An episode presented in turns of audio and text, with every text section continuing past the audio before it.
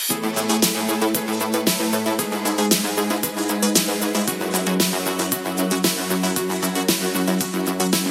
och välkommen till ytterligare ett avsnitt av Popmusiks podcast. Idag sitter jag i mitt vardagsrum tillsammans med Jesper Pettersson. Välkommen hit. Tack så mycket. Eh, ja, ni som säkert vet och kan och eh, kan er idol eh, har säkert sett Jesper sjunga 2016 i TV4. Men just nu är han aktuell med singeln Aldrig min. Så är det. Ja, men vi, börjar, såklart, vi måste ju börja med Idol. Det är ju alltid roligt i och med att det är så mycket musik. Och det, varför sökte du till Idol? Eh, ja, det är en jättebra fråga. Eh, Ångrar nej, men det började, nej, verkligen inte. Om det är något jag inte ångrar så är det det. Eh, men det började med att jag blev erbjuden att söka. Ja. Eh, en, en av dem, eller hon som castade programmet förut, Ja. Eh, hade hittat ett eh, klipp på Youtube eh, som, jag, som jag hade laddat upp på min egen kanal. Och sen så skrev hon till mig på Facebook och var typ såhär Oj, jag kan bara stänga av ljudet på min telefon. Proffsig kille. Så. Eh, nej men hon som castade då skrev till mig på Facebook Ja. och frågade om jag var intresserad av att söka. Och då var det ju det här mitt emellan året när de skulle byta jury. Ja, just. Så jag eh, bad att få återkomma efter presskonferensen hade varit. Aha, så du vet vad du skulle få liksom? Eh. Ja, för att jag ville veta vad det var. Alltså sen så är det bara för att man blir erbjuden att söka så är man inte garanterad en plats i programmet. Så att det var ju inte liksom, det var inte någon sån grej. Men eh, sen var presskonferensen och då eh, när det visade sig att Fredrik Kempe skulle sitta i juryn så var det det som liksom gjorde att jag kände så här, okej, Där kör jag söker för att nu tycker, det här tycker jag känns seriöst. Eh, och han är en eh, person liksom som jag gärna ville så här, eh, showcasea för typ. Eh, så det var väl mycket det som avgjorde det. Och sen så innebär det här att man blir erbjuden att söka inte så mycket mer än att man slipper att stå i den första kön. Det är typ Ah, det. ah, Alltså man måste ändå göra två jurys innan tv-juryn. Eh, om man liksom ens tar sig till tv-juryn. Eh, eller så här, det är verkligen på precis samma villkor som alla andra. Det är bra i och för sig även om man kanske har liten... De har ändå en hum om att ja, men du kan ändå vara lovande liksom. Ja men exakt. Ja. Så tänker jag att det är. Så att, så att det... nej men det, det, Så det är ju en komplimang och kanske en liten fördel men inte en, någon mega liksom. Nej, nej, sen ska du ändå bevisa det när du står i, i, inför, juryn. Mm. Men är det vet du om det är många som får den chansen? Eller är det liksom så här, det, det går så här rykten liksom om Idol att åh, det, allting är så uppgjort. Liksom. Men jag tror att det varierar. Eh, men... Ja, jag vet faktiskt inte, jag har ingen, inga exakta siffror på Nej, nej, nej. hur många det är. Men jag tror att det året som jag sökte, när vi väl kom till topp 12 Mm. eh, så var det två av 12 som hade sökt själva. Ja, okej. Ja, eh, Renaida Ja. och eh, Oskar Häggström. Ja, okej. Ja, sen är det väl också så, jag menar, det är som du säger, man ser ju på Youtube, man hittar ju folk på det sättet och, och samtidigt så är ju Idol en ganska bra plattform att faktiskt komma ett steg till. Ja, ja, ja. Ja.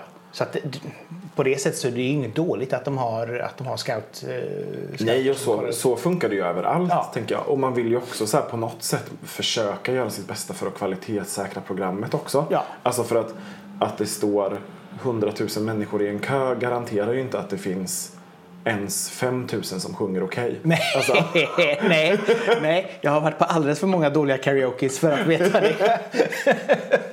ja, men så jag fattar väl att så här, sen hittar man ju guldkorn i de här köerna också ju. Verkligen. Men jag tror att det är så att man ska kunna sova på, på natten liksom. Ja, jo, och samtidigt så vill de, som sagt var, de vill ju ändå ha bra tv. Det ska liksom inte vara att och nu ska vi visa upp liksom det sämsta av Sverige och så ska vi alla sitta och skratta åt det. För jag tror inte det är det de vill heller, utan de vill ju ändå hitta liksom Ja, ja, vettigt. ja. Absolut blandat med kanske lite så här, oj det här var lite kul. Ja, men verkligen. Men, men kanske inte så att det bara blir liksom, ah, pinsamt. Nej men och så är det ju verkligen. Och som för mig så var det så här, jag har ju alltid undrat hur det skulle gå om man gjorde det. För att om man sjunger mycket liksom så är ju ens omgivning så här, men borde du inte söka till Idol? Och det som hade tagit emot det var ju alltid att så här, men jag orkar inte stå i kö hur länge som helst. För att det blir ju hur länge som helst oavsett. För de som står längst fram har ju typ så här tältat. så de står ju, alltså, de står ju ändå hur många timmar som helst fast att de står längst fram. Ja, jo, jo. Så man kommer ju inte ifrån det. Nej, fasen vad safe. Så kommer man in där och så luktar man härligt och så bara, ah, ja. Ja, jag vet. Och men då är, Tre ja. dagar i... Urskur och Jolt Cola liksom. Ja, men exakt. Uh. Nej, Men, men hur, hur började du sjunga? Eller när började du sjunga? typ alltid tror jag. Ja, Som okej. så många andra. Ja. Alltså jag sjöng hemma hela tiden. Jag sjöng i- i några körer tidigt, så här barnkör först och sen så satte mamma mig i en gosskör. Det var jag inte så här supertaggad på själv när jag började. Ja. Eh, men sen när jag väl hade börjat så tyckte jag att det var kul. Men jag fattade inte riktigt poängen med att jag skulle börja sjunga i gosskören liksom. Nej, okej. Eh. Alltså, alltså det var liksom inte ens... Nej men det var liksom ett förslag från mamma så här, nu vi testar det här. Ja. Eh, och det var i lågstadiet. Ja. Eh, och då så var jag så här, jaha, gosskör, vad, hur kul låter det liksom? eh, men det var ju väldigt trevligt. Ja. Och sen efter det så sökte jag ju till musikklass och så själv. Ja, okej. Så har jag ju bara pluggat musik typ. Från mellanstadiet fram till universitetet. Det är så pass. Ja. Så att, men vad har, känner du är din, din, förutom sången, liksom, Mm. din styrka? För jag antar att det blir mycket liksom, skriva själv och göra den biten också. ja men det är lite blandade grejer man gör ju. Men jag har alltid mest bara fokuserat på sång. Ja. Eh, för att det är där jag är starkast typ. Och sen så har jag spelat lite instrument för att jag måste. Mm. Eh, men då hade det också alltid varit att det är på en så tråkig nivå så att det ger mig inte så mycket. Alltså vet du, man kan spela Idas sommarvisa på gitarr ja. så betyder ju inte det att man vill spela Idas sommarvisa på alla sina gigs. Nej, Alltså, nej, nej, nej. Så då har jag alltid blivit lite omotiverad för jag har ju också alltid funnits i sammanhang där det har funnits folk som spelar både gitarr och piano bättre Mm. än vad jag gör. Så att jag är svindålig på gitarr, eh, dålig på piano. Ja, okej, men det kanske Men hjälper. jag tar mig fram på piano. Du kan liksom ta ut ackord och sen Ja, ja, ja. göra Ja. låtar själv hemma. Liksom, Ja, jag kan sitta och, och pilla lite liksom. Ja. Jag skulle aldrig få för mig att jag skulle ta en gig där jag spelar piano själv också och sjunger. Nej, du är liksom inte, Då skulle jag vara alldeles för nervös. du är inte Elton John liksom. Nej. Nej. så, nej, men Det hade varit kostnadseffektivt men det är, nu, Ja, jo. nu är det inte så. nej, fast alla, man kan inte vara bra på allt. Det gäller Nej. att vara okej på något i alla fall. Ja. men, men vilka låtar var det som... Brukar du göra den här, man har listat fem stycken skivor eller låtar som eh, har betytt mycket för en. Så Mm. vi kan gå igenom dem och så kan vi se vad, vad, hur din Ja, inspirationskälla hur det såg ut. Men när, alltså, när jag var med, alltså, i lågstadiet Mm. då kom ju det här liksom, eh, någon typ av så musikaliskt uppvaknande. Mm. Eh, alltså som var att man går vidare från typ Absolute Music 13 eller något som Ja, det kanske ja. var när man var liten. Ja. Eh, det var ju mycket den som hade varit innan och så här smurfhits och sånt. Eh, men sen eh, så hittade jag ju Spice Girls i lågstadiet. Och det var ju liksom första gången eh, som jag var ett fan av någonting. Alltså jag hade Spice Girls affischer eh, överallt i hela mitt rum. Eh, verkligen alltså så, på allvar typ säkert 25 affischer på väggen. Kul. Ehm, och lyssnade oändligt mycket på Spice Girls och lekte väldigt mycket Spice Girls med mina polare liksom. Ehm, och så tänkte jag så här, s- Spice är ju första skivan liksom. Men jag tror att jag lyssnar mer på Spice World så därför blir det Spice World som är den första. Fast den hade i och för sig Spice Up Your Life som är en av deras absolut bästa låtar. Jag vet och alla de här eh, Too Much och vet så här. Ja, nej alla Viva Forever kanske är en av de bästa låtarna som, som har gjorts. Jättefin Alltså, video framförallt också. Också sorglig. Ja, ja. Uff. Ja, men där, alltså Spice World, där, där hände det något verkligen. Och jag gick all in, jag hade så Spice Girls-bilderna. Eh, Jag köpte de här Spice Girls-klubborna som jag fortfarande kan sakna än idag. De var svingoda. Ja. De smakar ju persika Ja. eh, eller aprikos. Och sen så var det tuggummi i mitten. Och på det här tuggummit så var det också en bild på någon i Spice Girls. Gud vad roligt. Ja, alltså de var så bra. Vad tyckte du om filmen? Jag hade den på VHS och jag har sett den jättemånga gånger. Jag hade aldrig Live in Istanbul dock. Nej, okej. Nej. Eh, Det var en senare, konsertfilmsperioden är en senare period i mitt liv. Eh, Men Spice Girls, det var liksom, ja men det var nog verkligen första gången jag skulle säga att jag liksom var ett fan. Idoldyrkande. Ja men exakt. Och riktigt så på den nivån har det nog aldrig varit sen dess. Nej, Eh, okej. Du, hade, du liksom så här platåskorna och allting? Eller var det liksom Nej, bara, nej, nej. Alltså det var bara liksom alla bilderna, Ah, okej, alla affischerna. Lyssnade typ bara på det. Sjöng med i alla låtarna på så här låtsas engelska hemma. Jag var superavundsjuk på en av mina bästa kompisar som hade en av eh, Spice Girls Barbie-dockorna. Ja, Okej, ja. Wow. De ville man ju ha. Men vart var pengarna till dem liksom? Ja, nej. Eh, så de hade jag aldrig. Men där var verkligen så här, gick på allt, all merch och bara nu. Jag kommer ihåg, jag jobbade på skiv, i en skivbutik eh, på 90-talet Mm. och eh, en kväll så var det någon bara så här, nu ska ni få höra. Mm. Och så hade alla kunder gått hem och så satte de på den här singeln som hade kommit in. Och så eh, var det Tell me what you want. Och alla bara, är det en sån hit? Ja. Alla, alla bara kom springande liksom. Vad är det du spelar? det här är så jävla bra! Ja, men det, så, det var så nice. Jag vet att jag och mina kompisar satt bänkade hemma en dag eh, när det var videopremiär av Spice Up Your Life på SVT. Ah, det var liksom ah. i tablån. Då var vi också eh, hemma och hade satt VHSen på record så att vi skulle kunna kolla flera gånger. Men det är ju en fantastisk video också. Ja, ja. jättebra! När de åker omkring på surfbrädor. Nej, surfbrädor är det inte. Jo, men det är ju så här, Ja, ja, men i, men liksom i framtiden. Ja, ja, ja. Nej, Ascool. det var så bra, jag älskade det. Det är verkligen mitt första så här, riktigt stora album. Har du sett dem live? Nej, jag har inte det. Nej. Nej, jag vet. Men- Men, jag var inte... Alltså jag har... Jag blev en live-människa ganska sent. Ja. Alltså för... Eh, först så var det inte som... Alltså vi hade inte supermycket cash hemma. Nej. När, vi, när jag var liten liksom. Så det fanns inget utrymme i någons budget för att gå på konsert liksom. Eh, eller pappa och mamma är ju också liksom musikaliska och pappa har gått på mycket sådana. Eh, alltså, kons- alltså lokala konserter och polare som spelar band och sådär. Men de här stora arenagrejerna eh, hade vi liksom aldrig. Och Nej men exakt. Hotell och hela biten. Liksom. Ja, så det blev aldrig något sånt. Eh, så det dröjde liksom ett, ett par idoler tills jag såg min första idol live. Vilken var det? Eh, Beyoncé. Ah! I Skandinavium här. Oj! Ja, typ 2009.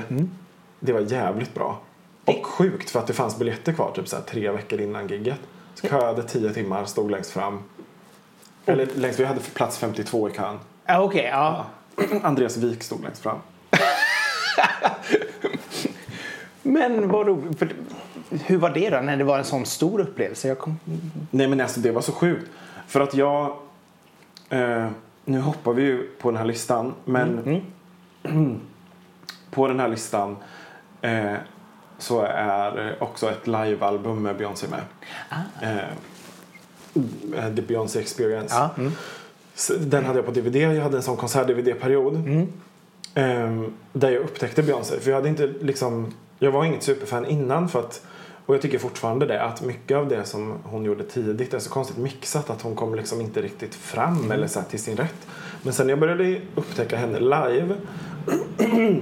så har hon ju något något så jävla rått och kraftfullt i sin röst. Liksom. Det är ju helt maxat. Och allt är så mycket bättre live. Så den DVDn har jag liksom... Alltså om jag hade kunnat spela sönder en DVD så hade det nog varit den. Men jag har sett den så många gånger. Eh, och då bokade jag, det var den här turnén som var i samband med eh, I am, eh, Sasha Fierce. Så turnén hette väl I am tror jag. Och det var ju ascoolt. Verkligen. Och det var skönt för att det var ju också innan, eh, innan mobilkameratiden. Ja, just det. Jag hade digitalkamera med mig. Men det var ju inte som att man skulle så här lägga upp stories och Nej, nej, nej. på live. och sånt. Jag- Jag tog några bilder liksom men annars var jag ju på konserten. Och så kommer du ihåg det liksom för att du var där. Ja. Och så var det så fruktansvärt bra. Jag var där med fyra polare och det var värt att köa i tio timmar.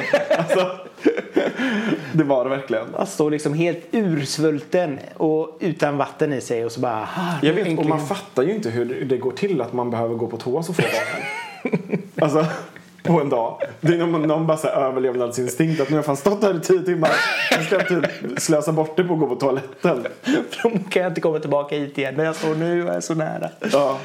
I can touch her. ja, men alltså jag har varit väldigt nära Beyoncé och det var ändå... Det är ju ändå ett... eh, Ja, ja det, alltså check på den. Ja, Det, absolut, jag hade ju också gärna velat. Jag har ju inte varit någon superfan av Beyoncé. Jag tycker hon är väldigt bra. Men liksom, Ja. Jag skulle inte säga nej om någon sa så här, åh ska vi gå och se? Så hade jag, ja men absolut, det är klart vi ska göra det. Nej, men, ja, men exakt. Och jag har inte... När hon var på den här turnén med Jay-Z till exempel. Det var inte jag så här. "Ugh, Vad ska man se det? För att jag tycker inte att han är så kul. Nej. Eh, och sen så har jag inte lyssnat så jättemycket på hennes urban-grejer för att jag inte hade Tidal liksom. Men nu finns de ju. Men jag fick lite så här, ja men på nytt eh, förälskelse efter eh, Homecoming. Eh, för att jag fattade att, jag är inte så mycket inne på urban liksom. Nej. Eh, men jag fattade då att det är jävligt fett när hon gör det live också. Alltså så här. Jo, men det är väl också det. Alltså, så- som, ja, vi har nog ungefär samma inställning där. Känns som just det här att jag är inte heller mycket så här R&B. Alltså när det blir för typ credit och för mycket beats och för lite melodi. Ja. Det har jag lite svårt för. Men samtidigt så är det ju vissa, ändå vissa artister som man har sjukt hög respekt för. Och Beyoncé är ju absolut en sådan som man ändå Ja. känner att ja, hade, hade det varit lite roligare så hade jag varit mega fan. Ja. Liksom. Ja men verkligen. Och det var ju det. Jag lyssnade ju då som mest runt eh, ja, men I am Sasha Fierce-plattan och sen den efter. Eh, när hon liksom sjöng eh, massor. Ja. Och sen, Eh. sen blir det bara konstigt. Nej men sen blev det så här. Jag lyssnar mycket eh, så här på musik ja, men, så här, av behov också tror jag. Alltså för att så här, spegla eh, mina egna sinnesstämningar och så. Och den så här, jag är cool, fuck you sinnesstämningen är jag väldigt sällan i. Så då blir det inte lika mycket Beyoncé då. Nej, exakt. Ja, Men när du är där inne, Ja, då går all in Beyoncé. Ja. Men den, the Beyoncé experience, den, den stämningen kan man vara i mer. Ja, ja, men, du, Så här, ja men det är så jävla peppigt på något sätt. ja. men det, är, det är rätt. Men vi fortsätter listan då. Ja, Vi går till... Men innan då, mellan Spice Girls och Beyoncé Ja. Experience eh, så är det ehm, Anastasia faktiskt. Jaha. Ja, där. Jag vet inte hur det gick till eller hur jag hittade henne. Eh, men jag hittade henne med besked. Alltså antagligen så var det typ via någon så här Vox-pop eller något. Ehm, och ehm, alltså det, jag lyssnade så mycket på Alltså båda hennes, jag måste bara se vad de heter skivorna. Jag har inte, det är typ den andra och den tredje. Eh, men framför allt eh, den tredje och då kände jag mig lite cool för att jag trodde att jag hade upptäckt rock men det hade ju Det, här, det måste vara så här rock är. Och det, bara, Ja. det är gitarrer och hon är lite raspig i rösten. Det liksom Ja. bara, men jag lyssnade på Freak of Nature först. Ja. Eh, mycket. Men det albumet som jag har levt mest med är det som heter Anastasia. ah, okej, ja. Eh, men och det är en sån här grej som jag kan ångra i liksom rent musikaliskt. Det hade varit så mycket mer praktiskt för mig om jag hade upptäckt Beyoncé innan Anastasia. För att jag har sjungit Anastasia så mycket. Så att så här, när jag väl liksom började sjunga, alltså när jag gick ifrån att sjunga så här gossopranmusik Ja. till att man så här, eh, blir tonåring och får en större så här, fyllighet i rösten och bara wow, jag kan liksom ta i här nu. Ja, ja. Eh, då körde jag Anastasia-låtar. Eh, och det hade ju varit eh, roligare som vuxen att kunna waila som Beyoncé utan att öva än att eh, man kan waila som Anastasia. Ja, jo, jo. Jag kan förstå grejen där Men- kanske, men ändå. Men ja, eh, och det var liksom fantastiskt. Ehm, inte, gick inte så all in på merch och sådär liksom. Nej. Eh, men jag lyssnade verkligen alltså i CD freestyle typ dygnet runt. Eh, och på allt så som hon gjorde. Och det är väldigt spretigt. Alltså det är både några så här konstiga ballader som heter så här Cowboys and Kisses och typ du vet sådana där. Eh, men så hon, hon har jättebra powerballader ju. Ja. Eh, och jag tror att det var det jag liksom föll för, för jag gillar ändå det här dramatiska. Att det är lite så här stilla, men hennes låtar har ju alltid samma upplägg.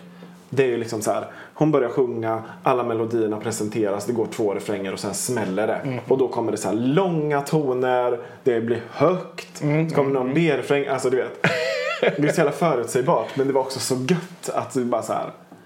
Det kommer där som man längtar efter, att det bara så här både att melodierna får presenteras som Mm, de är utan att det är så här krusidulligt från början men sen också att det kommer det här wow!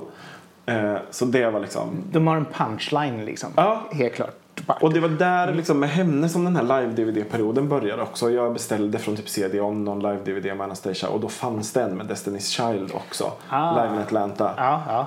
Som jag tänkte så här, ah, men jag tar den med. Jag hade ändå lyssnat lite på Destiny's Child och tyckte att den var ganska bra. Eh, och det var ju där jag hittade Beyoncé. Såklart. Eh, på den live-DVDn liksom. För jag hade aldrig tänkt på henne som en, en soloperson innan. Eller så här. Som frontperson absolut, men inte som... Ja, huvud, huvudakten. Liksom. Men det är ju också det som är ganska roligt med mycket musik. Att det, den musiken man gillar på något sätt eh, leder till att du hittar liknande låtar av, alltså av samma artister eller liknande artister. Så att det, det, det blir ju liksom alltid, ja men gillar du det här så är det ganska säkert att du gillar typ det här och det här och det här också. Liksom. ja, ja. ja. Och sen, Anastasia har ju någon så konstig karriär typ. Det verkar som att hon mest stor i Europa liksom. Och så blir hon alltid framröstad till så här Worst Dressed Artist of the Year typ under hela sin karriär. Och du vet så här. Upp, alltså hon upptäckte ju sin bröstcancer också under någon Alltså i alla Just det. de intervjuerna hon gjorde så var det typ som att hon bara ja, eh, jag hade anledning att titta på det här. Alltså man vet inte så här, skulle hon göra en bröstförstoring eller skulle hon inte göra det? Varför hittade hon sin bröstcancer? eh, man har alltid de här, så här lågt skurna så här, tacky jeans och Mm, så här, ja. urringningen, de här orangea glasögonen. Alltså det var ändå, men det var ändå något härligt med det. Ja men det är lite så här, det är lite så amerikansk white trash över det. Men samtidigt, som du säger, liksom, det, det är också attityd. På något Ja, men att hon gjorde det, ja, liksom. för det är den balansgången där. Antingen så blir det bara tacky och Ja. fel. Eller också så kan det ändå bli ganska coolt. Jag vet, och hon förändrade det ju aldrig. Det var ju aldrig som att hon liksom bytte look eller Nej, så här, nej, utan hon har ju kört samma look. Ja, ja, till och med de nya plattan är ju också liksom så här röda glasögon. Ja, ja, ja. Liksom. ja. Hon- Ja, hon var ju i Sverige, eller typ Sandviken eller något va? Nej, på... Det var någon sån här stadsfest. Oj, Uppe, ja. uppe i eh, Mellansverige liksom. Ja. Det som folk beskriver som Norrland. Eh, Storskyran kanske? Ja, men det- men- ja, men de Där tror jag att hon eh, var för några år sedan. Då var jag lite sugen på att åka men jag gjorde inte det. Därför jag tänker att det kanske är bättre att låta, låta henne vara. Låta minnena vara som visionen av hur bra hon är. Men den live-dvdn den var bra i alla fall. Okej, då har vi Anastasia och så har vi Beyoncé och så Spice Girls. Ja. Och så går vi vidare till... Och så går vi vidare till, alltså när man blir lite mer vuxen. Ja, Eh, vill man bli det? Ja. ja, men det har ju också varit något som jag har kämpat med liksom, i och med att jag har pluggat musik så länge och över så lång tid och alltid haft den här okreddiga musiksmaken. Ja. Så då har man ju liksom försökt så här, när man ska föreslå låtar och bara visa vad man gillar. Då har man ju alltid fått försöka mörka det lite och liksom bara så här. Alltså du vet, jag gillade ju eh, eh, jag drog Veronica Maggio-kortet ganska ofta tidigt. Alltså jag älskade hennes första album. Mm. Men då tyckte jag alla att hon var så töntig för att hon gjorde så här, den här nöjd typ. Ja, så här, ja, ja. Dumpa mig och dem. Eh, men där fanns det några som var lite så här souliga ballader så de brukade jag spela då Ah. typ för att jag skulle försöka ha något som var lite credit. så lyssnade jag på Anastasia och, eh, och Destiny's Child och sånt. Så du gillade Maggio innan hon blev cred kan man säga? Ja, ja, det- ja, men, ja, ja lite ja, så. Och de två första plattorna. Ger vi dig lite Eh. cred för det? Ja, visst tyckte jag var där tidigt. Eh, och sen så, sen så övergav jag det. Eh, men sen när man liksom... Jag hittade, eller via någon polare på Facebook. Eh, så fick... Alltså hon delade titelspåret från Susanne Sundförs andra platta, The Brothel. Ja, mm. Eh, den låten alltså så här, golvade mig helt och hållet. Typ. Ehm, och hela det albumet Ja. är fantastiskt bra. Alltså det är så jävla mörkt och dramatiskt. Ehm, och det älskar jag verkligen. Alltså, jag tycker om... Jag är också så här Eurovision eh, person och älskar alltid alla så här öststatsbidrag som är helt så dramatiska med så här pampiga kvinnor som sjunger ut sina hjärtan typ. eh, och det här är ju typ som det fast, eh, eh, fast i det musikaliska finrummet på något sätt. Ja, ja. Så att det var bara right up my alley. Och det albumet har jag lyssnat super mycket på. Alltså bara, jag, jag lyssnar också väldigt mycket så på musik efter säsong. Eh, så det är en sån så här höst-vinter eh, grej. Som alltid återkommer. att så när mörkret kommer då börjar jag lyssna på eh, The Brothel igen. Mm. För att jag eh, tycker att det är ett så jävla bra album. Men hon är ju fantastisk. Alltså den, Ja. den rösten. Jag vet. Och det är det som jag tycker är så bra med den skivan är att där är det inte heller så producerat. Alltså så här, hennes röst är inte så... Det är inte så mycket effekter på den. För det tycker jag att det har blivit lite det senaste. Utan där är det verkligen så här. Men hon är där typ också en så skön mix av eh, elektroniska instrument och akustiska instrument. Alltså typ så här orkesterinstrument också. Eh, som bara dyker upp helt plötsligt. Eh, så det var verkligen en så här wow-grej. Som, jag, som bara så här tog, tog tag också. Som jag fortfarande liksom lever med ganska mycket. Eh, ja, Ja, nej, men hon, är, det alltså, som sagt var, det är ju hennes röst kombination med just att också att det är, som du säger, liksom både lite kommersiellt men ändå också lite så här quirky, alltså lite Ja. annorlunda. Så att det är en väldigt bra mix liksom på... Ja men exakt. Och om man jämför hennes första platta med den andra. Den första är ju lite så här. Den är nästan lite gullig typ. Visst lite, lite halvdeppig men det är ju inte som alltså platta nummer två när det kommer så här syntar och krigsljud och sånt. Typ. Och man bara okej. det här är fantastiskt. Ja, nej, det är snyggt. Det är väldigt snyggt. Och så älskar jag hennes jobb med, med Röyksopp är också väldigt bra. Så att, men, Verkligen. ja, men det har vi också, då har man ju också den här, liksom så här ja, artist som man tycker om som i, tillsammans med en art- artist som man också börjar tycka om. Ja. Alltså typ Röyksopp då i det fallet. Ja. Ja men shit, hon, det, det där det är en svinbra platta alltså. Jag tycker att den är bättre än, eh, än det som har kommit eh, senare Senaste. också. Även om jag kan lyssna på det ibland med. Men jag tycker att det där, för mig så är det liksom piken. Så där hade jag också en li- lite så här. Det var mitt i någon sorts skandinavisk period. Jag hade lyssnat på så här. eh, Bernhoft också från Norge. Jag lyssnade jättemycket på Rasmus Sebach. Bara Lyssnade runt lite så här. På olika grejer. Det var kul. Ja. Men den, The Brothel av Susanne Sundför. Wow. Det var din fjärde Ja. förslaget där. ja. Och den femte. Eh, det är musik som jag lyssnar på på våren. Ja. vårmusik. Vad är vårmusik för dig? Nej, men som också är ett fantastiskt album. Eh, Linnea Henriksson av Linnea Henriksson. Ah, ja. Det albumet. Jag hade inte lyssnat jättemycket på henne innan det heller. Nej. Ehm, alltså jag hade ju hört liksom alla singlarna hon hade släppt och så. Ja. Ehm, men när det där albumet kom. Det var, jag kan också nörda in mig på musik i perioder så pass att jag bara, alltså den perioden så lyssnade jag bara på det albumet. Och då kunde det bara gå runt och runt hela dagarna. Eh, och så kan det vara så här att jag tänker att jag bara "Mm, borde lyssna på något annat nu. Det här är inte riktigt sunt. Och så testar jag att lyssna på något annat och så bara nej, jag får börja om igen. Alltså, så jag tror att jag lyssnade uteslutande på det albumet i typ en och en halv, två månader nästan. Oj! Ja, Sånt är ju väldigt charmigt när man liksom så här på CD-tiden då. Ja. När man köper en CD-skiva och så bara Gud vad bra det är. Och den verkligen inte lämnar CD-spelaren Nej. på flera veckor. För att man bara, nej men jag behöver inte lyssna på något exakt. annat. Nej, det är bara så här, "Åh, nu ska det vara musik. Jajamän, då blir det den här musiken Ja. som, jag har nu. Ja, ja, ja. ja. Ehm, så det är verkligen en sån... Jag tycker att hon... Eh, hon skriver bra texter också. Och hon skriver om... Alltså hon skriver om känslor på ett bra, alltså på ett intressant sätt. Jag tycker att det är upplägget på den eh, plattan. Alltså jag tycker det är intressant att lyssna på texterna. ja. Det är inte så här så klichéartat och det är inte alltid så här eh, supercharmiga alltså sidor av, av kärlek eller så här utan det är liksom som det kan vara typ. Jag tycker det var jättefint och befriande. ja.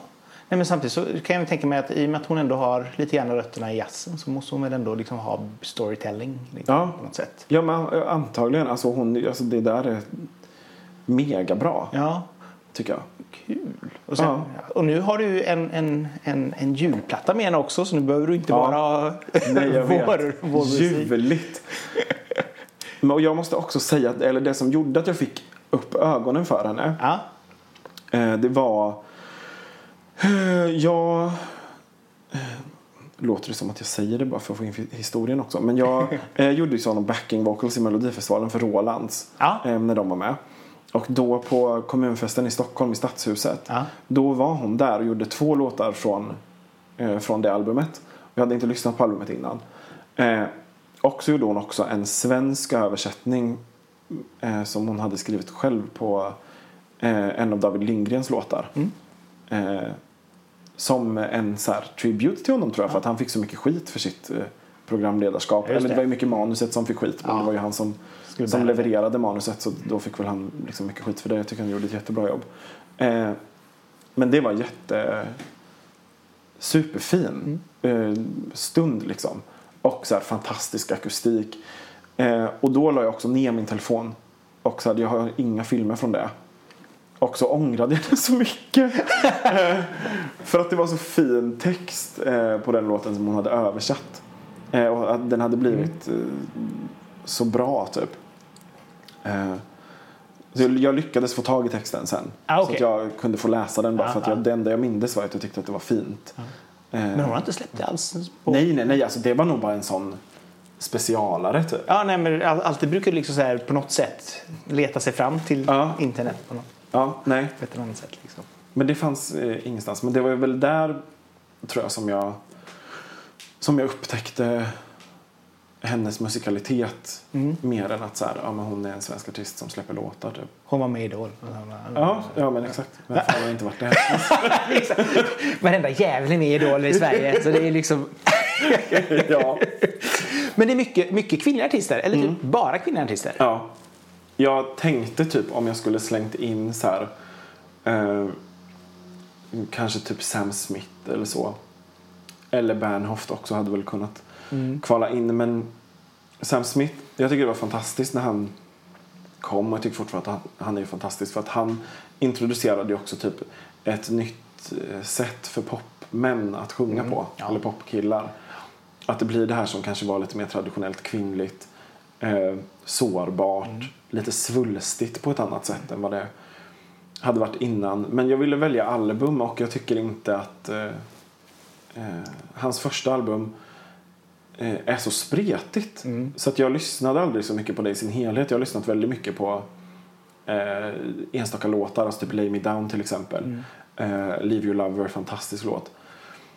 Eh, och det andra albumet tycker jag också är ganska bra men jag har liksom inte lyssnat sönder det heller. Eh, men så är det överlag. Jag vet inte om det är eller väl en sån personlighetsgrej men jag har alltid mest eh, eh, relaterat till eller liksom kv- kvinnliga artister har tilltalat mig alltid mest. Ja. Eh, och också så här eh, filmer och serier, helst med kvinnlig huvudkaraktär. Eh, Ja. Och så här alltid eh, Peach i Mario Kart och så. Nej, men jag tycker det är roligt. Alltså, ro- det är intressant för jag menar. Tar man mång- många homosexuella vet jag älskar liksom kvinnliga artister för att man ser också, alltså, det, det verkar som att det är någonting där som tilltalar extra mycket. Eh, Men jag tänker också typ att alla mina närmsta vänner har ju eh, varit alltså tjejer. Mm, ja. Alltid. Alltså det är typ nu när man har blivit vuxen och skaffat sig lite så här gaypolare som också är killar. Mm. Eh, men så har det ju varit. Alltså man har ju växt upp. Jag har ju aldrig liksom velat identifiera mig som tjej eller identifierat mig som tjej. Eller så. Det är ju inte en sån grej. Nej. Men jag har varit så mycket i en kvinnlig kontext. Eh, att så här, jag tror att jag kan relatera bättre till de historierna. Och att jag tycker också att de är mer...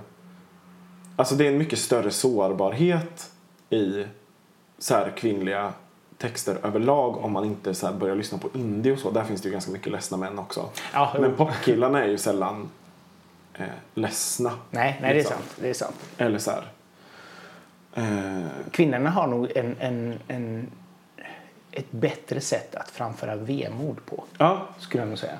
Ja men exakt och typ när det kommer till filmer och tv-serier och så att det är liksom den historien man kan bäst för att det är så man har umgåtts. Alltså det är de samtalen man har haft. Det är inte så här, jag har aldrig varit i, i omklädningsrum på det sättet eller du vet så här upplevt så här sportjargong eller typ macho kultur eller alltså du vet så här, jag kan, det är väldigt svårt för mig att re, relatera till eh, den så här go-to-mannen som man lägger i tv-serier liksom. Nej. Jag är inte riktigt där. Så då tycker jag att det, alltså kvinnlig intrig tycker jag också är mycket roligare. Alltså typ Desperate Housewives till exempel. Ja. Alltså jag ser ju mycket hellre det än vad jag hade sett på en, en serie som handlar om så här fem män Mm, och ja. deras familjer som bor på en gata för att jag tycker att det är jävligt roligt att titta på det här eh, intrigerande och det här att det så här, man är så här du vet passivt aggressiv, Mm, snäll typ. Brie är ju den bästa karaktären som har funnits på tv typ. Eh, Bit, bitska liksom. Men jag bara, vet. alltså, och så men ändå med ett leende. Ja, ja. Att så här, hela undertonen är att man hatar någon men det är ändå så här artigt och lite svalt. ja, det är som en steppslåt. Fast, Alltså, ja exakt. Jag vet inte, jag tycker att det är mycket mer intressant. Eh, faktiskt. Så så har det nog alltid varit. Det är inte så mycket, har inte varit så, så mycket manliga artister alls faktiskt. Nej. Nej. Det är intressant. Men jag är väldigt blandat. Jag, men för min del så har det varit väldigt mycket alltså, synt-pop-biten och där är det väldigt mycket manligt. Eh, på både gott och ont. Men samtidigt så tycker jag ju liksom att de kvinnliga artisterna är klart mycket mer intressanta idag. Än, vad- alltså, än, alltså, om, om du bara går tillbaka. Jag har aldrig varit någon sån här jättestor Madonna-fan till exempel. Nej.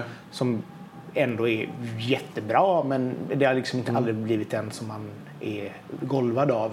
Medan nu så tycker jag liksom varannan vecka kommer någon, en ny kvinnoartist man bara wow! Och, och, och verkligen briljerar liksom. Eh, Verkligen. otroligt. Vilket är jätteroligt. Ja. Ja, jag tycker det är svin. Så att det, ja, nej, det är sp- sp- spännande ändå att den utvecklingen som har blivit med att, att kvinnor får lov att ta för sig mer och synas mer. Jag tycker det är jättebra. Ja, men och jag såg det här klippet som alla delar på Facebook nu där det är någon som har sammanställt all statistik över Ja, bästsäljande det. album i olika Ja. kvartal. Den tycker jag var asrolig också för att man ser att det är typ alla de här männen och gubbarna i början typ Mm. och sen så händer det något och helt plötsligt så är typ majoriteten av de bästsäljande albumen kvinnor helt plötsligt. Ja. Alltså så här pop Alltså kvinnor Taylor verkligen. Swift och ja, Ja, exakt. och så här Rihanna och alltså Madonna är ju tidig liksom men Mm.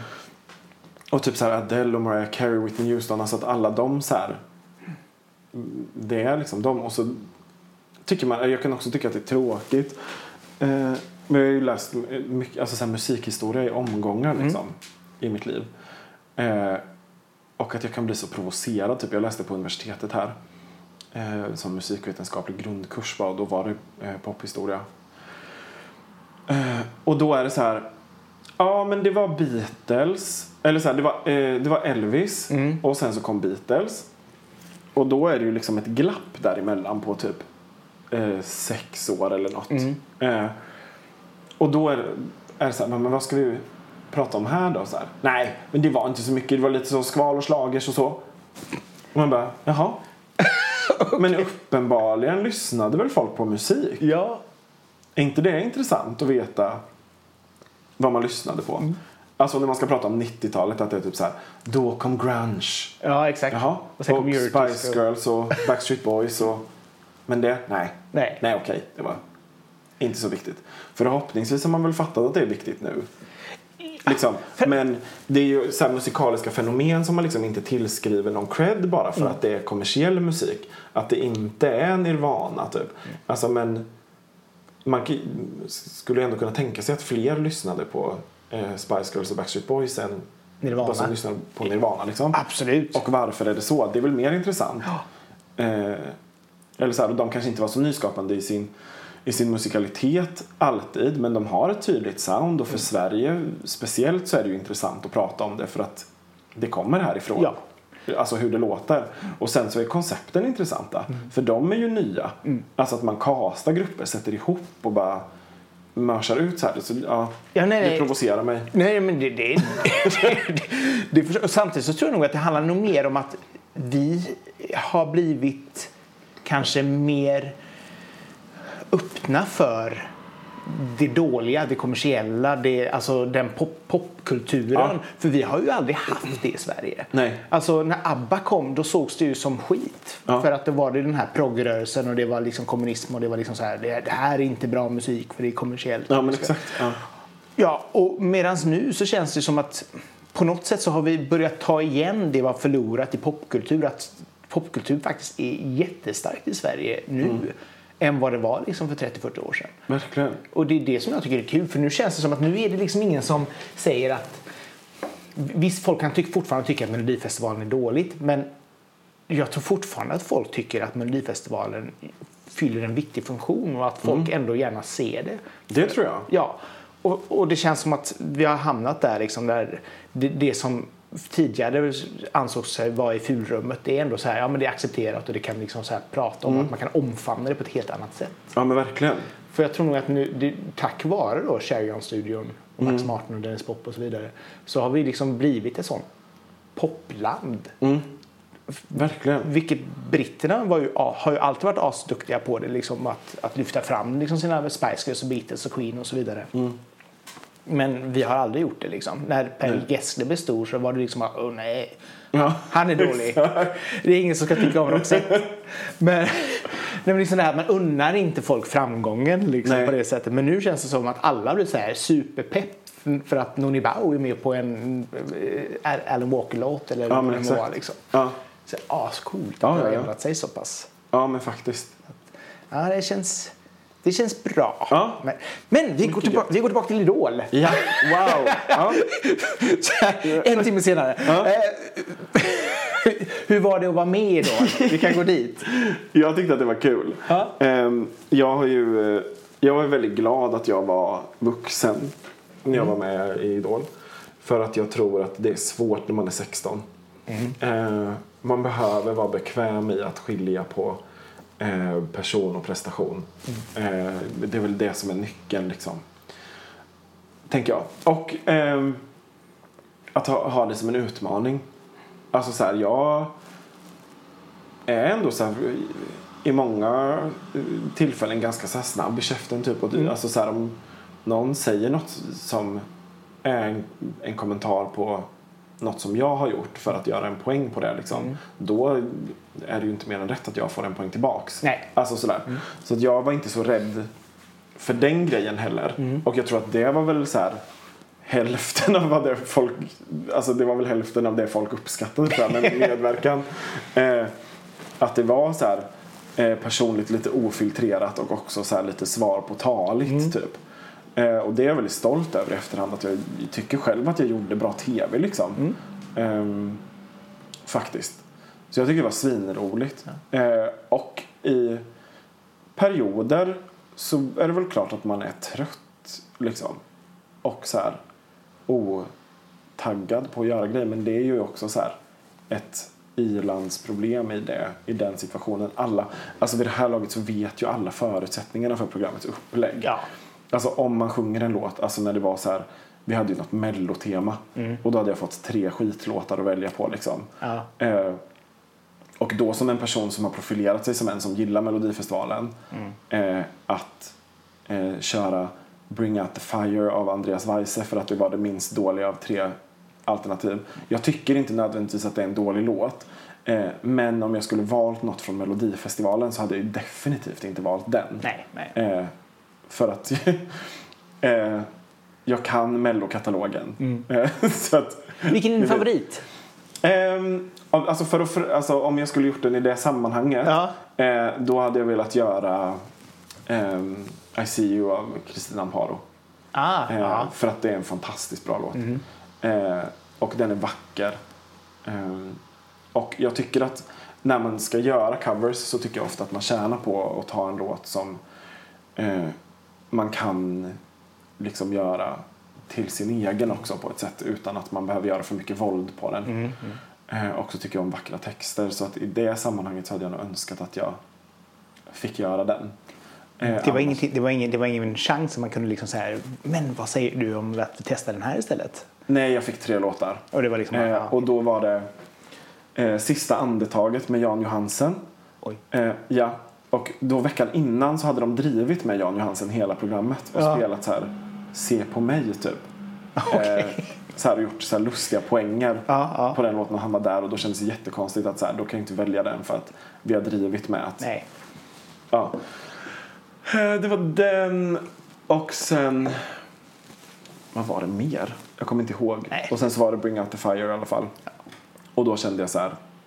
Det var en helt, eh, det är en helt okej låt. Mm. Eh, Jag tycker att den är kul. Den är ganska rolig att sjunga. Eh, Jag gör den gärna när man spelar covers för att det blir så bra drag. Mm. Liksom. Eh, Men jag tycker inte att den representerar inte mig som melloperson så mycket. Nej. Nej. Skulle det vara intressant att vara med? I Mello ja. Mm. Ja absolut. Jag, eh, jag har pitchat en gång. Mm. Och det, det, gick, gick ändå, jag kom inte med men det gick ändå ganska bra. Jag, liksom, vi fick vårt nej väldigt sent i processen så det var ju Ah, så här. "Wii!" Ja, ja, ja. Eh, det var ju bra liksom. Eh, men det var efter det som jag gjorde Mello med Rolands istället. ja. Ehm, så jag hade jättegärna velat vara med. Och då vill man att det ska vara eh, liksom med rätt så här, eh, en bra låt och liksom ett bra team och så. Nu är jag inte eh, redo längre. Nej. Men eh, absolut, framöver liksom så kommer jag nog lätt testa igen. Men jag tycker också att det är roligt att göra den andra grejen. Alltså jag tycker att det är kul med backing vocals som fan. Eh, för att, eller jag har gjort det tidigare. Och det var ju det liksom jag pluggade innan jag gjorde Idol. Så har ju liksom hela tiden eh, mitt mål varit att så här, typ köra, sjunga demos. Eh, alltså vara en lite mer sån Bakgrund, bakgrundsgrej. För att jag tycker att det är kul. Man får hela upplevelsen när man gör backing vocals. Eh, men man slipper typ 100% av pressen. Ah, ja. Alltså, Eh, man får möjlighet att hjälpa någon och liksom eh, leverera sitt allra bästa. Eh, men sen så är det ingen som... Alltså vet, det är ganska anonymt. Så jag har ju gjort hela mello-upplevelsen liksom. Fast i Utan baksätet liksom. och jag tycker ja. att det var asgött. alltså bara få vara där och i fred hänga med de andra som gör backing vocals. Eh. Fika. Så bara kommunfest. Ja, Yay. och sen så får man ändå sjunga liksom. Ja, ja, ja. Eh, och det är gött. Sen är man ju alltså, extremt avskild. Jag är jätteglad att jag fick göra det med dem. Alltså min första mello med eh, Rolandsgänget. För dels så fick jag ju jobba med jättemycket människor som jag ser upp till. Eh, oerhört mycket. Så här, uppväxt med Robert Gustafsson. Men också så här, kul att få jobba med Fredrik Kempe och framförallt Edvard af Sillén. Ja. Eh, som har varit en Just det, han regisserade. Ja, super... Eh, ja, men alltså så här, superidol. Alltså kanske inte förebild för att vi gör inte samma sak. Men jag har verkligen sett upp till honom. Eh, och uppskattar hans arbete jättemycket. Så det var ju askul att få göra det. Och att det var, blev ett så tajt... För det var så eget också. Så att vi var ju väldigt mycket så här... Körde ju vårat... Ja, och, och, och det var ju också det, så kan jag tänka mig ändå var kanske fördelen där också. Att det var ju ingen som kom dit och kände att nu jädrar ska vi vinna någonting. Nej. Utan, utan alla var ju där bara för att ha kul. Verkligen. Och då kan det också smitta av sig liksom på, alltså det gör ju också att pressen på dig, även om du ska ta tonerna och lyfta fram låten, Ja. så är det fortfarande kanske inte det här att wow, vi, vi skulle kunna representera Sverige någon Nej, annanstans. och vi så hade kul och vi hade också budget. Alltså du vet, när det är så här små akter. Man märker ju också, det blir så mycket press på de så här soloakterna som, inte, som försöker etablera sig och får sin första chans i Mello. Det ligger så mycket press från skivbolagen på den typen av bidrag. Alltså att så här, ja men nu måste det presteras här för att det här bidraget är svindyrt. Vi har investerat massa pengar. Och så, ska du, och så får man inte igen Okej, på den singeln kanske man får igen det. Men sen så ska man ju liksom lyfta vidare det på kommande singlar. Ja men exakt, och om det inte flyter så är det typ så här, ah nej. Nej, vi lägger ner. kul, bra försök. Ja. Alltså du vet. jo, men det, det ser man ju ganska ofta i och med att man vet ju hur, hur det funkar i bakgrunden. Så är det ju det här, man ser en artist som är med i Melodifestivalen så släpper de en låt inför sommarens Allsång på Skansen och sen inför hösten så får de släppa en låt på egen hand. Ja, Så att, exakt. Och det blir ju så här.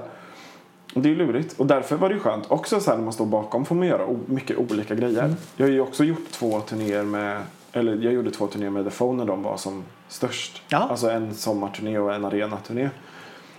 Eh, och det är ju också två helt olika typer av gig. Och det är jävligt roligt att så här, eh, för man måste ju också hela tiden så här, det är en utmaning för man måste ligga så nära som möjligt. Eh, rösten som man gör. så man inte tar över liksom. till. Ja. Alltså det ska ju så blanda bra. Och det är ju så här att sjunga som Robert Gustafsson är ju inte samma som att sjunga som, som eh, The Foe. Nej. Det är ju helt andra grejer. Men Ja. det är också kul att få så här byta det. Men där var det Erik Segerstedt på i Melodifestivalen. Ja, men vi gjorde...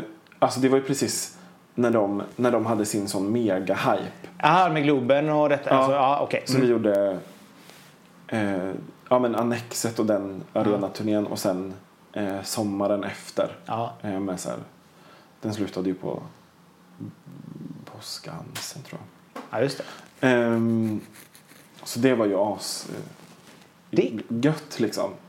Det var eh, en kort sekund eh, när det var nära att jag skulle eller jag blev tillfrågad på kommunfesten i Övik om de bara skulle du eh, eh, kunna tänka dig eh, att göra eh, backing på Felix Sandman? Ja. Eh, för att de, de hade inte det från början och sen så var han lite så här risig och så började de bli nervösa. Men sen så kom de på att låtskrivarna skulle ju komma och vara med. Eh, och det är de som har sjungit demon. Aha, okej. eh, så då gjorde de det. Men Ah. det var ändå, du vet så här. Coolt ändå. De, det var ju för att de visste att jag hade gjort det ja. förut. Ja, ja. Alltså att det, man visste att det skulle funka i förväg liksom. Det var ganska skönt att slippa repa in. Samtidigt, samtidigt så är Jag är det jättesmickrad för frågan. Melodifestival 2 ändå. Så Ja. det är inte fy skam. Det är Men riktigt Tia går också bra. Ja! Vad kände du efter Idol? Eh, för det, du släppte liksom... Det var tänkt att du skulle släppa en EP direkt efter tävlingen och det var liksom så här, du släppte min Ja, jag vet. väg. Jag gick ju in, eh, jag gick ju in ganska stort ehm, själv så här. Eh, för att det fanns inte så mycket spikat. Alltså den EP-drömmen eh, när jag ju fortfarande, och där är jag lite mer nära nu. Eh, men jag hade ju liksom inget eh, skivkontrakt när jag sa det. Nej. Utan det var ju bara så här. Vad ska du göra i framtiden? Jo, men jag tänker att det blir så här. Eh, och sen så fick man liksom se. Sen så hamnade jag ju. Eh, jag släppte ju min egen väg. Som var skriven.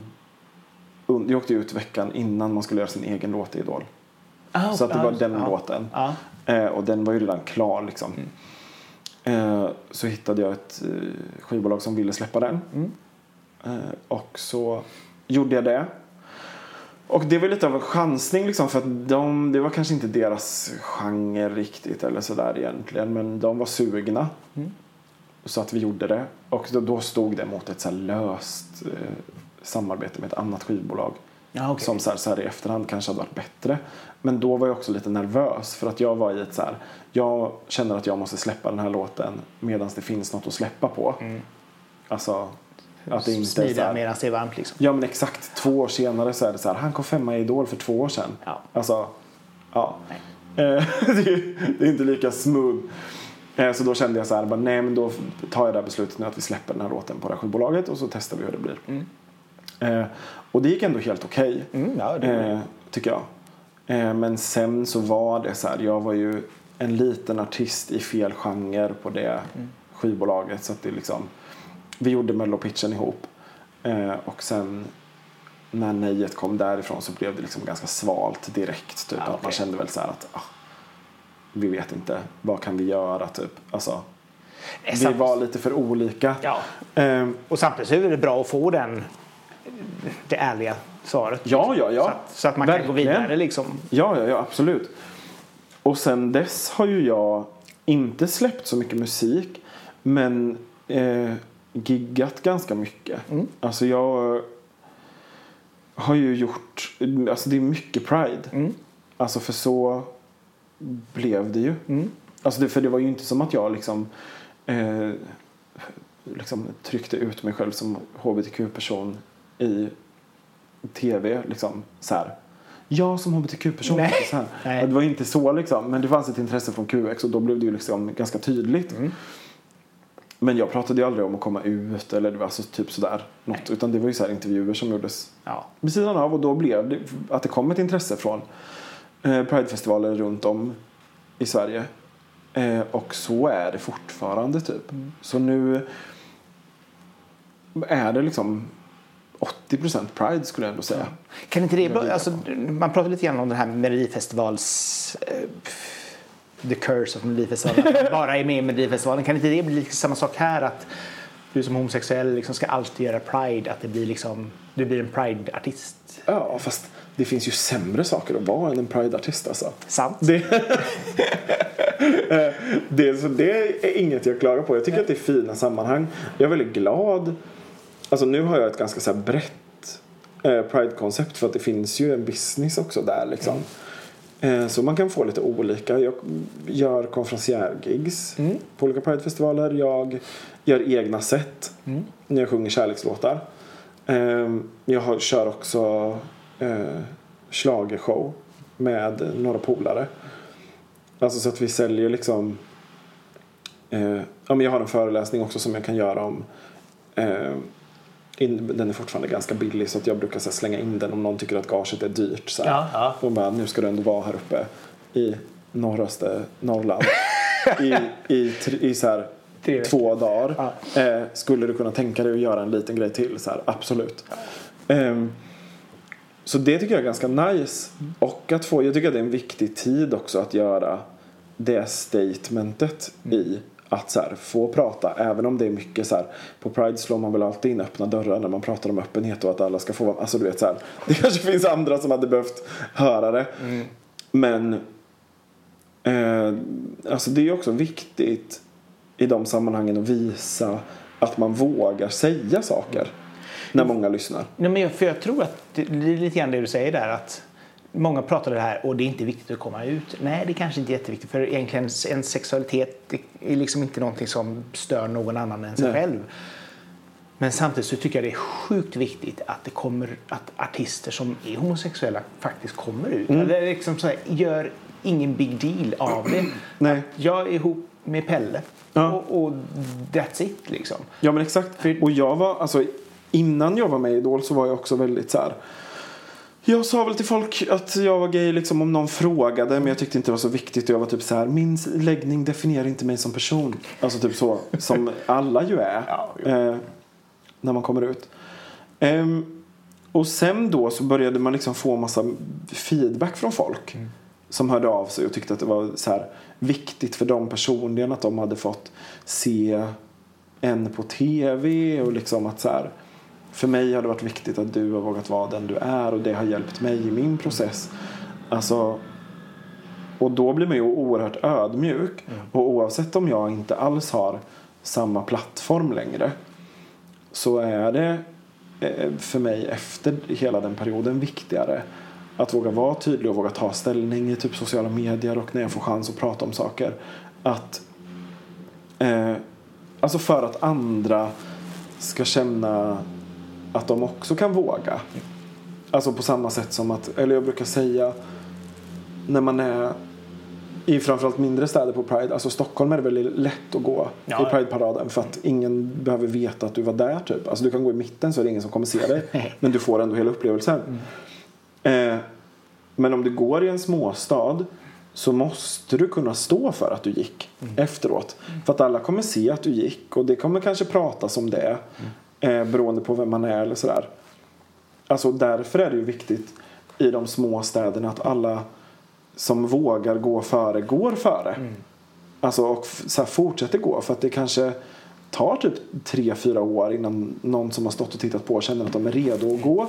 Och det får man ju liksom respektera. Ja, ja, ja. Eh, eller för jag minns första gången jag såg Pride-paraden här i stan. Det var innan jag hade kommit ut.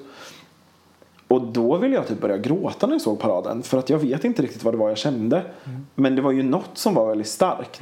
Och jag visste också att jag inte var redo. Och jag har vänner som man har varit så här, ja men nu så här, vi ska gå Pride-paraden, vill ni följa med? Och då är det så här, nej. Jag är inte riktigt där än. Nej. Och det är så här, det är ju helt fine. Ja. Men då måste ju vi som är där fortsätta gå tills det är dags för de andra att gå med. Ja. Eh, och det är också så lätt sagt i Stockholm och Göteborg och så. Men när det är typ i Sollefteå till exempel. Där jag har varit två nu. Eh, de har haft två Pride-parader och jag har varit på båda. Eh, där är det viktigt. Man såg första året. Superstor uppslutning. Alltså det var hur mycket folk som helst.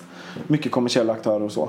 Eh, andra året, fortfarande ganska mycket folk för att vara en så liten stad men avsevärt färre än, än första året.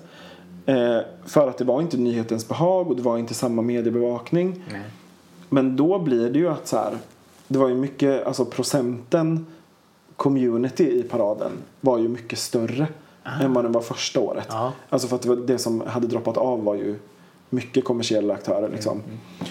Ehm, och då är det ju viktigt att de inte så här tappar det nu. Att så här, ah, det blev ju bara färre från det här. Alltså, Ja, för det, utan att, så här, för det är fortfarande viktigt för de som väljer att bo kvar och vill kunna välja att bo kvar Mm. i sina hemstäder att man känner att man har backningen liksom. för det är ju inte, det, det är inte storleken som är... Det här är ju inte storleken som gör alltså, priden. Utan det, Nej. det är ju, där är det ju verkligen den här statementen att kommunen stöttar hbtq-invånarna. Ja, ja, ja. Och, och just det här att de faktiskt kan få lov att- visa sin kärlek öppen för alla. Ja, och alla de eldsjälarna som ofta är de som driver RFSL-sektionerna i de här mindre städerna som är de som verkligen brinner för sin hembygd och vill kunna få leva sina liv där. Eh, liksom. Men att alla som kommer ut flyttar till Stockholm ändå sen. Eh, de gör ju ett jätteviktigt arbete. Ja, ja. Och så här, om man inte vill gå för att alltså så här, visa att man är hbtq-person och stå upp för sig själv. Eller, du vet, så här, Gå åtminstone för, för de som liksom kämpar för att, ett så här öppet och tillåtande samhälle. Jo, för, för det. Respektera deras arbete liksom. Ja, för det, för det är väl det som är grejen också. Att jag menar, nu ser man ju efter, efter att ha varit på Stockholm Pride och även då här på West Pride i Göteborg Mm. att det, det är ju inte riktigt... Alltså bara för att du stöttar hbtq så betyder inte det att oj, du måste vara bög. Nej. Och det är ju det som det känns som att det är den ekvationen som kanske kan vara svår för vissa. Liksom, att man, nej, du behöver inte vara bög för att göra detta utan du ska bara vara en vettig människa som Exakt. står för lika värde. Liksom. Ja. Och det är nästan viktigare nu än någonsin. För vi satt och pratade på det igår när vi tog en liten promenad. Att världen håller på att förändra sig så pass mycket nu. Och, pendeln håller på att slå tillbaka. Från att vara väldigt liberal och öppen till att faktiskt nu börjar det bli ett problem igen.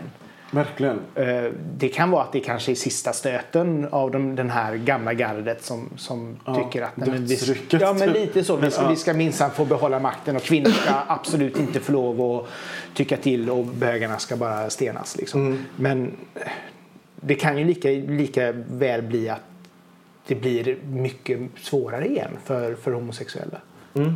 Och det är ju det som är det viktiga. Att där gäller det verkligen att kunna stå upp då i Pride Mm. och visa skillnaden. Liksom. Verkligen. Det- Och att så här, ja, men det, eller för mig är det jätteviktigt att ta, alltså med den plattformen jag ändå har kvar och visa att så här, även om mycket av dem som, många av de som följer mig gör ju det för att de håller med mig liksom. Men det är viktigt att, att göra markeringen tycker jag och använda det, den plattformen man har och det nätverket man har för att försöka göra skillnad ju. Eller så här, jag och min eh, gamla gymnasiekompis Tobias startade ju det här initiativet eh, Regnbågsblod i våras. Ja, just det. Eh, och alltså så här, det kanske inte jag hade gjort för några år sedan liksom. Eller så. Varit så drivande i det och liksom frontat och så här. Men jag, på och så. du, du pratade även om blodgiveriet under Idol. Jaha. Ja, för jag gick igenom eh, faktiskt lite intervjuer och sånt med Ja. dig nu inför detta. Eh, och då sa du något som du inte gillar och då var det att man inte får lov att ge blod som... Ja, jag har ju varit Gud. provocerad väldigt länge. Ja, Ja. eh, Så att, och, och därför då när jag läste den här artikeln då i, i QX om regnbågsblod så, så kunde man liksom slå ihop ett och ett. Liksom, att man, det här är ändå någonting som det verkar som att du brinner för eller tycker är en, en viktig del. Och jag håller med dig också som homosexuell att det är liksom varför kan man inte få alltså all, all blod testas så att det finns liksom inte ett problem? Nej, jag vet. Alltså, det alltså, reglerna är så föråldrade och provocerande så att man liksom inte riktigt vet vart man ska ta vägen. Ehm, och det är ju ett jättearbete kvar.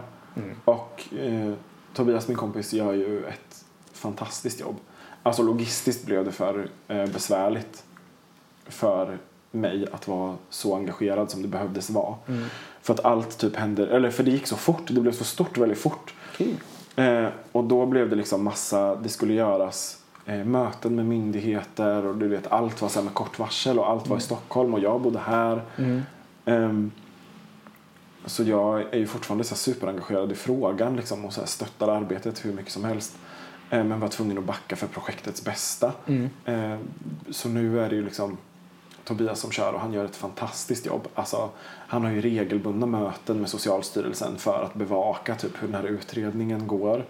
Eh, och så här, träffar politiker, han träffar andra myndighetspersoner, alltså, du vet på så Folkhälsomyndigheten, Smittskyddsinstitutet. Alltså, du vet, så här. Han gör ett så jävla bra jobb. Eh, och det beundrar jag honom verkligen för. Eh, och jag är väldigt så här, glad och stolt över det vi skapade tillsammans men också väldigt så här, eh, ja, men, eh, fruktansvärt imponerad av det arbete han gör nu. Så ni som lyssnar, regnbågsblod, hashtag och eh, Ja, finns på Instagram, allting. Instagram och Facebook. Ja. Så att, eh, gå in och Följ kolla. arbetet, skaffa merch.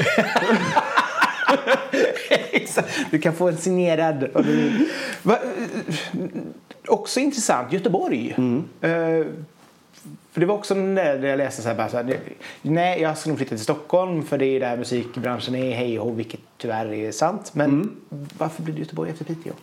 Eh, för att alltså, det var en stor förvirring kring vart jag är ifrån och vart jag bor. Och Ja. så. Jag har ju bott i, på västkusten sedan 2007. Ah, Okej. Till och från. Jag bodde i Piteå två och ett halvt år för att Ja. jag pluggade. Eh, men annars har jag bott på västkusten. Mm. Vart på Men- västkusten? Eller Eh, som i jag började på Tjörn Ja. eh, och sen så har det varit Göteborg och sen en kort avstickare till Kungälv i mitten. Ah, Okej. Ehm, Det är väldigt nära ändå allting. ja, exakt. eh, men det året som jag sökte till Idol så var det så många från Göteborg som sökte så att då fick jag välja på Piteå eller Linköping. Eh, och jag bodde i Piteå då och jag är född och uppvuxen i Linköping. Eh, men det var ju 2016 och jag hade inte bott i Linköping sedan 2007. Så att jag tyckte att det kändes konstigt. För att jag var inte därifrån. Jag hade ingen adress i Linköping. Jag hade, så här, min familj och släkt bor där. Men Ah, okej. alltså, så, här, stan har liksom ingen relation till mig. Nej. Alltså det var enklare att vara därifrån. Jag var folkbokförd tänkte jag. Eh, så då blev det då blev det Piteå. Men sen så blev det ju Göteborg för att vi gjorde en ansats att ta mig mot Stockholm. Jag bodde i Linköping faktiskt i typ tre månader efter eh, Idol, alltså i början av 2017. Eh, men det är ju också en svår period, alltså januari till mars, där bokar man inte farligt mycket gigs alltså. eh, Nej. för det, Utomhusscenerna då är så... Ja men exakt och så här, det är inte, alla företag brände sina budgetar i december på julfesten och sen så här övrig media är upptagna med mello. Så det är lite så här döperiod. Ja. Eh, och då blev det att man behövde ha lite pengar in. Så då hade jag ju alla mina jobbkontakter i Göteborg. Så till en början så bodde jag i Linköping och pendlade till Göteborg för att jobba. Oj, ja. Eh, ja, jag jobbade helger liksom. Ja, Så okej. jag var i Göteborg fredag till söndag. Eh, och jobbade. Eh, I foajén på Rondo där jag har jobbat hur länge som helst. Eh, till allas stora förtjusning. Så mycket folk som så här, smygfilmade och sånt. och man bara, men vad tror du? Att jag, så här, jag var med på tv, det innebär ju inte att jag är ekonomiskt oberoende. Jag fick typ så här, 700 spänn i månaden. Jag blir, jag blir, jag blir, jag blir fetare på CSN än på TV4 liksom. Ja, ja, ja, och det visste man ju när man skrev på så det var ju helt fine liksom. Men jag behövde ju jobba. Ja. Eh, och då så till slut så tröttnade jag på att pendla hit. Så Så då flyttade jag bara hit. Jag sökte lite jobb i Stockholm och så. Eh, också. Eh, men eh, alltså min ekonomi var inte redo för bostadsmarknaden. Alltså det är så jävla dyrt att bo i Stockholm. Det är dyrt att bo här också. Ja. Eh, men det är ju ännu dyrare att bo i Stockholm. Eh, och om man inte har några sparpengar kvar då då... så löser man ju inte det. Nej. Eh, så, så då blev det att jag bodde inneboende hos en polare här i några månader. Så delade vi på hyran liksom, och så Ah, okej. jobbade jag in lite pengar. Liksom. Men det är, för det är också svårt att få en lägenhet om man inte har ett jobb. Eh, och i Göteborg hade jag ett jobb. Så då hamnade jag här Mm. igen.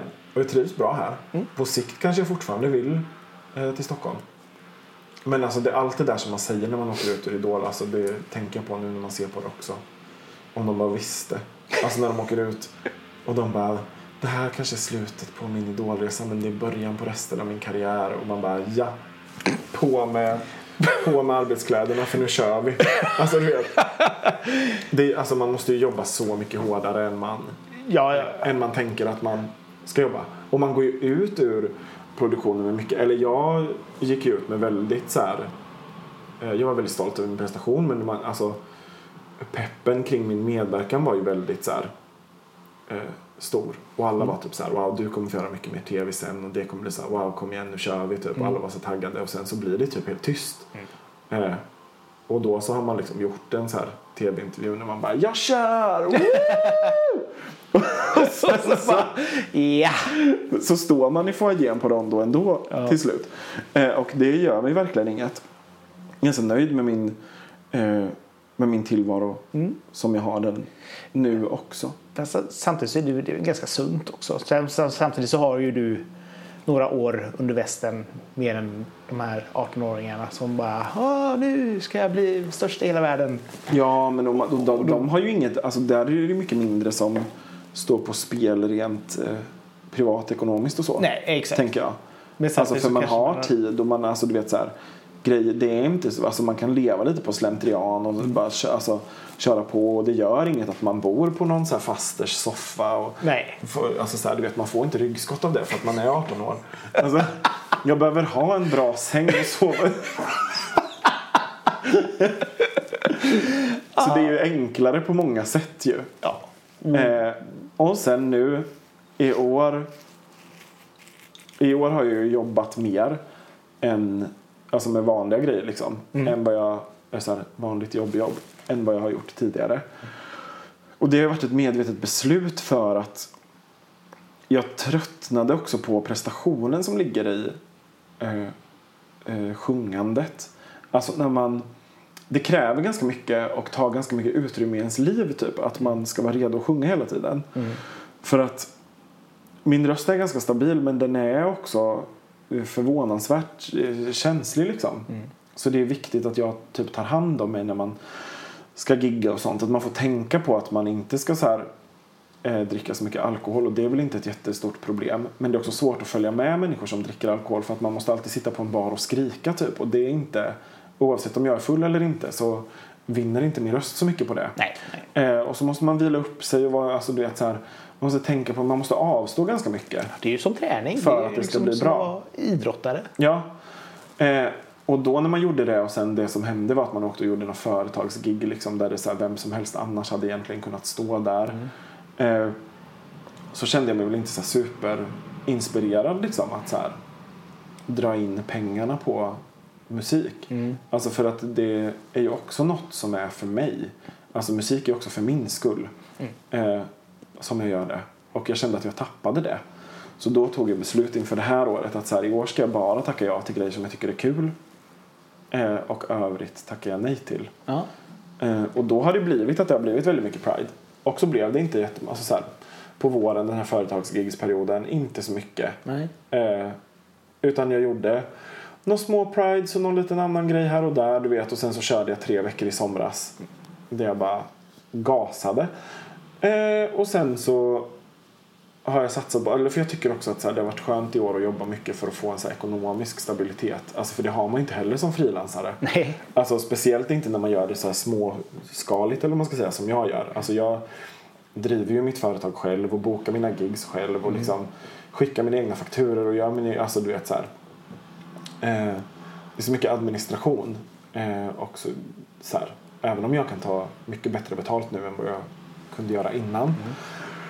Eh, så är det ändå så här, det är skönt att ha en månadslön in och så kan jag göra det jag vill typ. Och då har jag hunnit göra det här, alltså låtsläppet till exempel, nu då.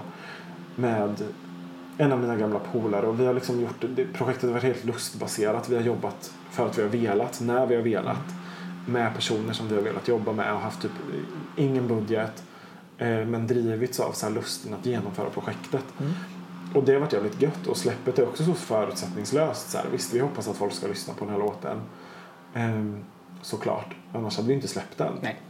Eh, men vi vet också att vi har väldigt så här, små muskler i den här stora branschen typ. Eh, och vi gör det ändå. Och det tycker jag känns eh, skönt Mm. typ. Alltså, jag tycker att det är gött. Jag är ganska nöjd med det här året. Jag har gjort lite julshow och sånt en del år Mm. också, eller ett par år nu. Fram tills nu. Eh, men kommer inte göra det i år för att eh, det är liksom, nu har jag inte längre en typ av anställning som jag bara kan ta tjänstledigt från i två månader för att jag ska göra gig. Alltså, Nej, nej. Det är ganska flexibelt med att få ledigt över helger och jag kan göra Pride på min semester. Alltså du vet, typ sådär. Det är en jävligt bjussig arbetsgivare. Mm. Men eh, det är ju svårt att vara borta i två månader för att ha ett annat jobb. Ja, ja. Alltså, eh, och det är också ganska, ganska skönt eh, faktiskt. Det har varit väldigt roligt men det har varit en väldigt, alltså så här, showlivet är ju också en ganska oglamorös tillvaro. ja jo, Kul det, och det, fantastiska människor att jobba med. Men det är ju sitta, sitta på i en bil för det mesta. Ja, eller i ett garage som är ombyggd till en loge. Eh, alltså du vet, Ja, det är jo. så här. Eh, så det känns ändå. Det känns som att det kommer bli en lugnare november, december än vad det brukar vara. Men skönt. Då kanske det blir sådana här bara mys, myskvällar hemma. Liksom bara ta det lugnt. eh, Stearinljus och Ja, jag ska försöka boka några julkonserter. Alltså bara så här, du vet. Typ som det jag brukar göra på sommaren. Någon halvtimme med gitarr liksom. Försöker sälja in lite för att jag tycker att det är kul. Jag älskar att sjunga jullåtar. Ja, vilken är din favorit? Mm, ehm, det, jag vet inte, det är väl ingen jullåt men eh, River av Johnny Mitchell. Det är ändå ordet Christmas är med. Ja. Så då kan man sjunga den. Och den har faktiskt blivit en jullåt. Ja, Så att, ja. så den, eh, den är standard. Mm. Eh, och den jag tycker bäst om att sjunga. Annars alltså traditionella jullåtar. ehm, skulle jag nog säga eh, Jul, jul, strålande jul. Oj! Ja. Ja, det är ju en fantastisk låt. Alltså, men då ska det ju vara med kör och så. Ja, ja. Alltså, eh, Jag är ju jättesvår för gräns över sjö och strand. Jag tycker den är jättefin. Oh, ja. Men jag tycker det är ja, man måste vara försiktig med, med jullåtarna. eh, men eh, sen annars också, och eh, Snön föll med Svante Thuresson. Fantastisk låt. Jaha, inte Öback. Utan, Nej. nej. Ja. nej. Nej, eh, det är lite, jag tycker att eh, Peter Jöback är lite för all in på Ja, jullåtarna. ja, ja. Alltså det är lite starkt. Eh, och lite för så glatt. Man tänker liksom att det är det här konstanta liksom, det är så här leendet och de stora ögonen. Det är så intensivt och typ så här. Visst är det härligt nu? Har vi härligt på julen? Bara, Kom igen allihop, vad kul vi har. ja, exakt. Man vet Eh. aldrig när man har roligt nästa gång. Ja. Och jag älskar Peter Jöback. Eh, och har lyssnat, alltså personliga val är också en sån här skiva som hade kunnat kvala in på vilken lista som helst. Den har jag lyssnat på supermycket. Eh, men eh, julen lyssnar jag inte så mycket på honom. Okej. Jag gör- har en jättefin eh, spellista på Spotify som du kan få sen. Ja. Med, tror det är typ 40 minuter och så är det bara så här melankoliska jullåtar. Ah, Det nice. bästa man vet alltså. Wow. Men det, det är sånt som är så mysigt också där när man verkligen så här kan Ja, men som sagt, få lov att vara mer vemodig. Ja. Och lite så här, åh, skön stämning. Älskar det. Ja. Kontrollerat vemod. Man lyssnar på musik och sen när man lyssnar klart då är det färdigt liksom. Ja, ja, kan ja. man inte vara vemodig mer. Nej, nej, nej. Då kan man sätta på någon rolig film eller något sånt där istället. Ja. Liksom, så här. Men att gå så här en lång promenad och så är det lite så här småsnö som singlar ner och så lyssnar man på ledsna låtar om, om julen. Om man inte har några pengar och fa- morfar dör och allt sånt. Ja, Ja. Så det ska vara. på jul. Ja, härlig jul. Ja. Vad, vad tänker du om din eh, F, eh, karriär framöver? Vad, hade- vad hoppas du på? Eller vad, Men alltså, vad jag hoppas vad vill, på? Vad vill du? Vad jag hoppas på är fortfarande att få släppt den här jävla EPn. Eh, men, eh, 2016. ja men exakt. Eh, men jag är ju lite mer så verklighetsbaserad nu. Alltså nu gör jag det här för min skull. Och så får vi se. Jag hoppas på att kunna få eh, köra ett gäng Pride-säsonger till. För att jag gillar det. Eh, och sen så, ska, så skriver vi fler låtar nu. Kul. Liksom, alltså nu är ju jag... Eh, Det är du och Caroline som gör. Ja, precis. Caroline Anté på hennes skivbolag. Eh, Signe Victorin, det är ju bara hon eh, som är hela skivbolaget. Mm. Fantastiskt. Eh, så det gör ju att så här, nu jobbar vi ihop och har väl som mål att släppa en EP någon gång under nästa år. Mm. Eh, och det känns inte alls orimligt.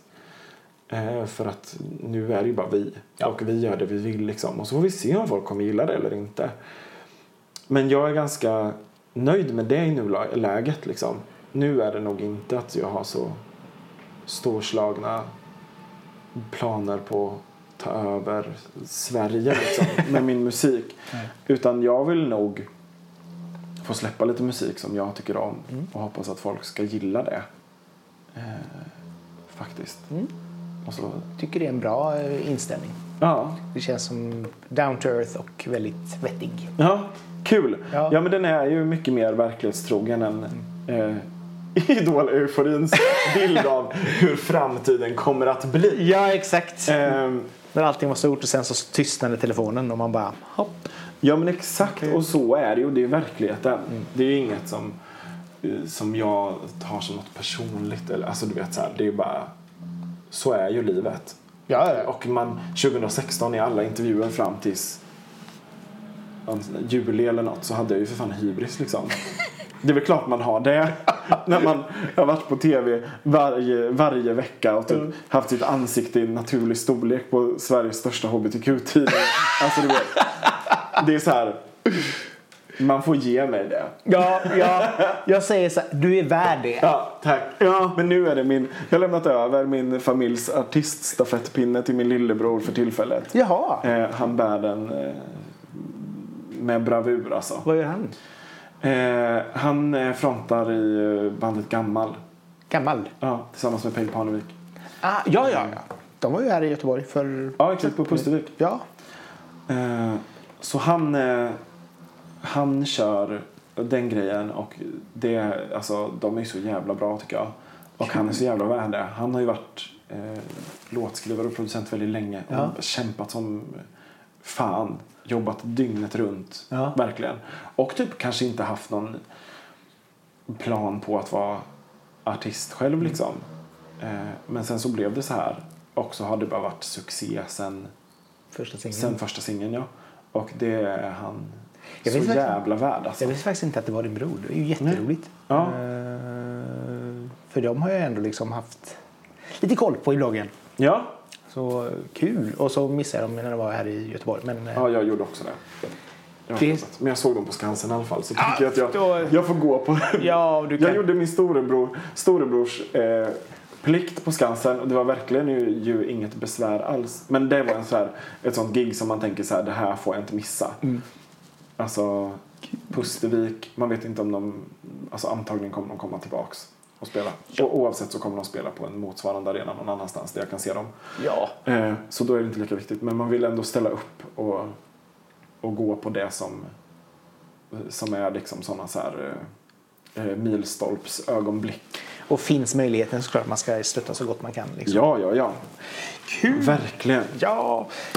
Tack så jättemycket Ja, tack för själv. att du tog dig tid att komma hit. Och Tack för att du fick komma. ja, till dig som lyssnat, eller till er som lyssnat, eller hur ni lyssnar, kanske i grupp, jag vet inte.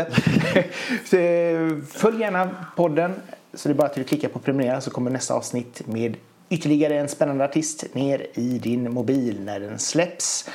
Och som vanligt, dela gärna avsnittet på sociala medier och så att dina kompisar hittar det där också. Det är en bra sak. Men från ett kallt Majorna så önskar vi er tack och hej. Hej då! Hej då!